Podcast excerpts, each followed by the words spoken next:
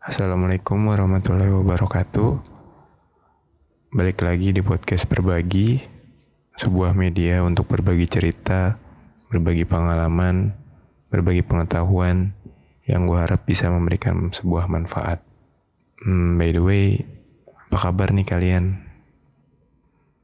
Gue harap sih baik-baik aja di mana pun kalian berada.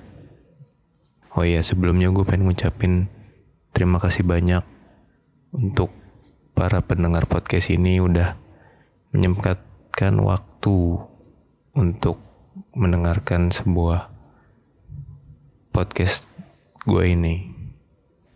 Kesempatan kali ini gue pengen berbagi soal cerita tentang di mana awal-awal pandemi ini berlangsung. Jadi semoga bisa memberikan manfaat lah ya. Ada pelajaran yang bisa diambil. Hampir satu tahun kita banyak menghabiskan waktu di rumah. Bukan karena keinginan, namun karena keadaan. Hari demi hari berlalu, entah berapa banyak hal yang telah terjadi saat di rumah aja. Gue masih ingat ketika baru beberapa minggu menerapkan pola hidup di rumah aja. Gua yang saat itu baru menjalani awal semester 4, gak lama setelah itu pun PSBB.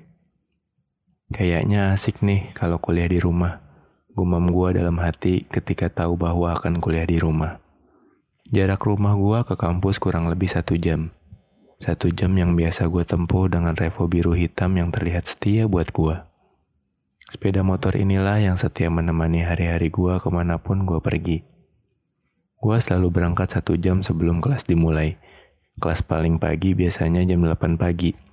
Jadi jam 7 pagi, paling enggak gue udah harus berangkat menuju kampus. Satu semester kuliah biasanya kurang lebih 4 bulanan. Di mana 4 bulan itu gue lalui dengan bolak-balik rumah dan kampus.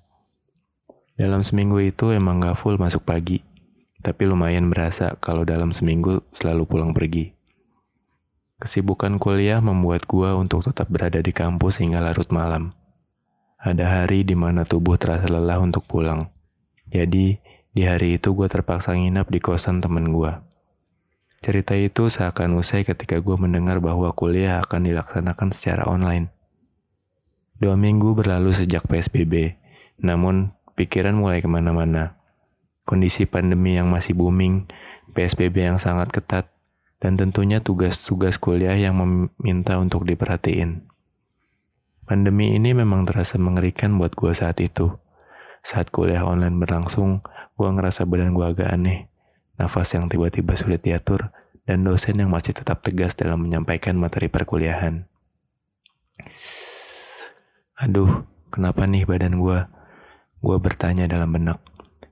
Pandangan gue pun gue alihkan sementara. Sambil duduk, Gue menegapkan badan, meluruskan kaki, dan mengatur nafas. Setelah melakukan sedikit relaksasi, pikiran gue pun sedikit tenang. Sambil berkata dalam hati, gue gak apa-apa, paling efek bangun mepet karena dosen udah mau absen. Kemudian hari itu berlalu dengan berbagai macam sugesti. Gue sehat, gue gak apa-apa, gue paling jarang gerak. PSBB yang sangat ketat mengurung gue selama kurang lebih satu bulan.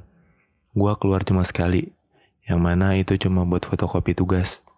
Harus banget keluar, karena tugasnya itu pakai kertas A3. Gak bisa gua kalin pakai kertas lain, jadi terpaksa gua harus keluar.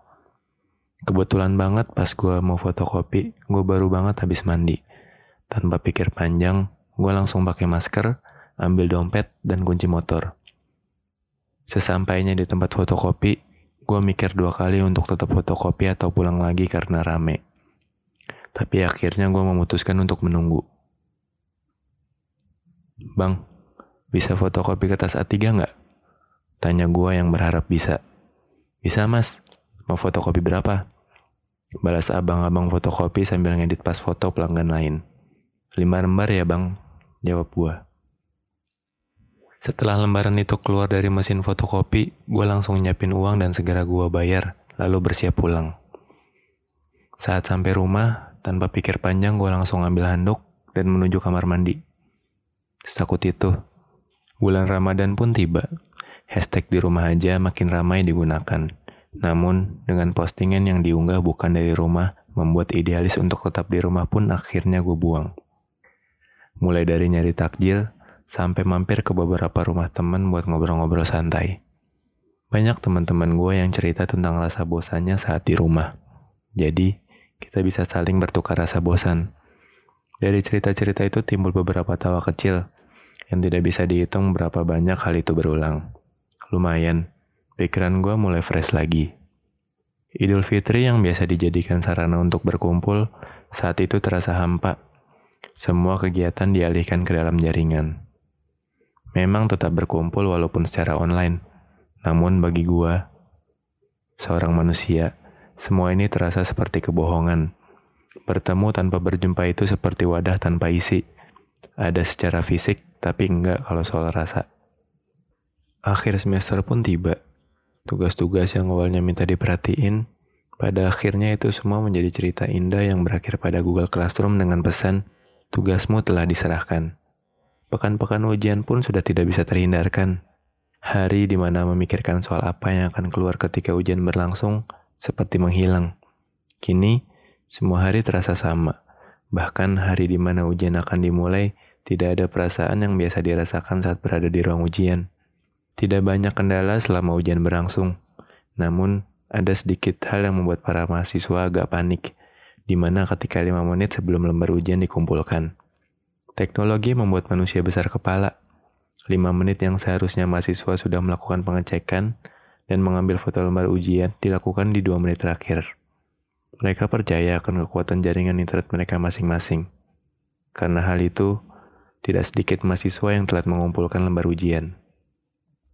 Pekan ujian pun akhirnya usai. Tidak ada perasaan gembira saat liburan tiba. Tiada lain tiada bukan karena pandemi ini. Mungkin hanya ada beberapa tempat untuk gua kunjungi. Itu pun tidak jauh dari rumah. PSBB ini memaksa gua menghabiskan banyak kegiatan di rumah. Gua pun udah nggak tahu berapa banyak hal yang gua lakuin, bahkan gua ulang-ulang. Saat pandemi ini, gue banyak ngeliat orang coba hal baru, seperti buka bisnis rumahan, konten, dekor rumah, berkebun, dan lain-lain. Gue pun sempat berpikir untuk melakukan hal-hal tersebut, mulai dari dekor rumah misalnya. Semenjak di rumah, gue mulai rajin beres-beres kamar.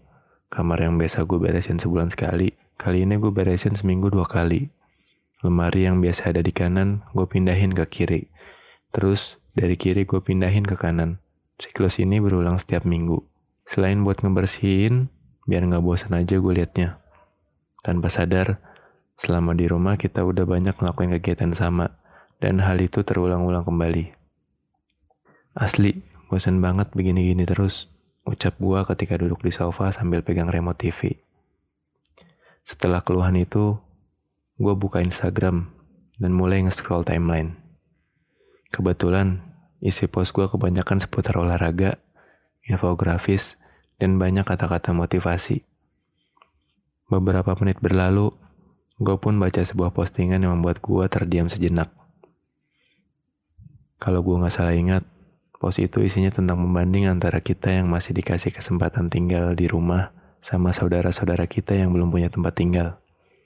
Udah banyak keluhan yang keluar dari mulut gue hanya karena rasa bosan. Tapi bagaimana dengan saudara gue di luar sana? Apa mereka mengeluhkan apa yang gue keluhkan? Gue rasa lebih dari apa yang gue rasain. Yang tadinya gue lagi nonton TV dengan pikiran kosong, keyakinan dan harapan tiba-tiba datang menyapa gue. Kalau dipikir lagi emang masih banyak hal bermanfaat yang belum gue lakuin. Ada juga plan awal yang masih belum gue realisasiin. Sampai sekarang, hal-hal itu yang membuat gue tetap merasa tidak bosan ketika di rumah. Mencoba hal baru, evaluasi diri, dan realisasikan apa yang gue ketahui menjadi pelajaran gue saat di rumah aja.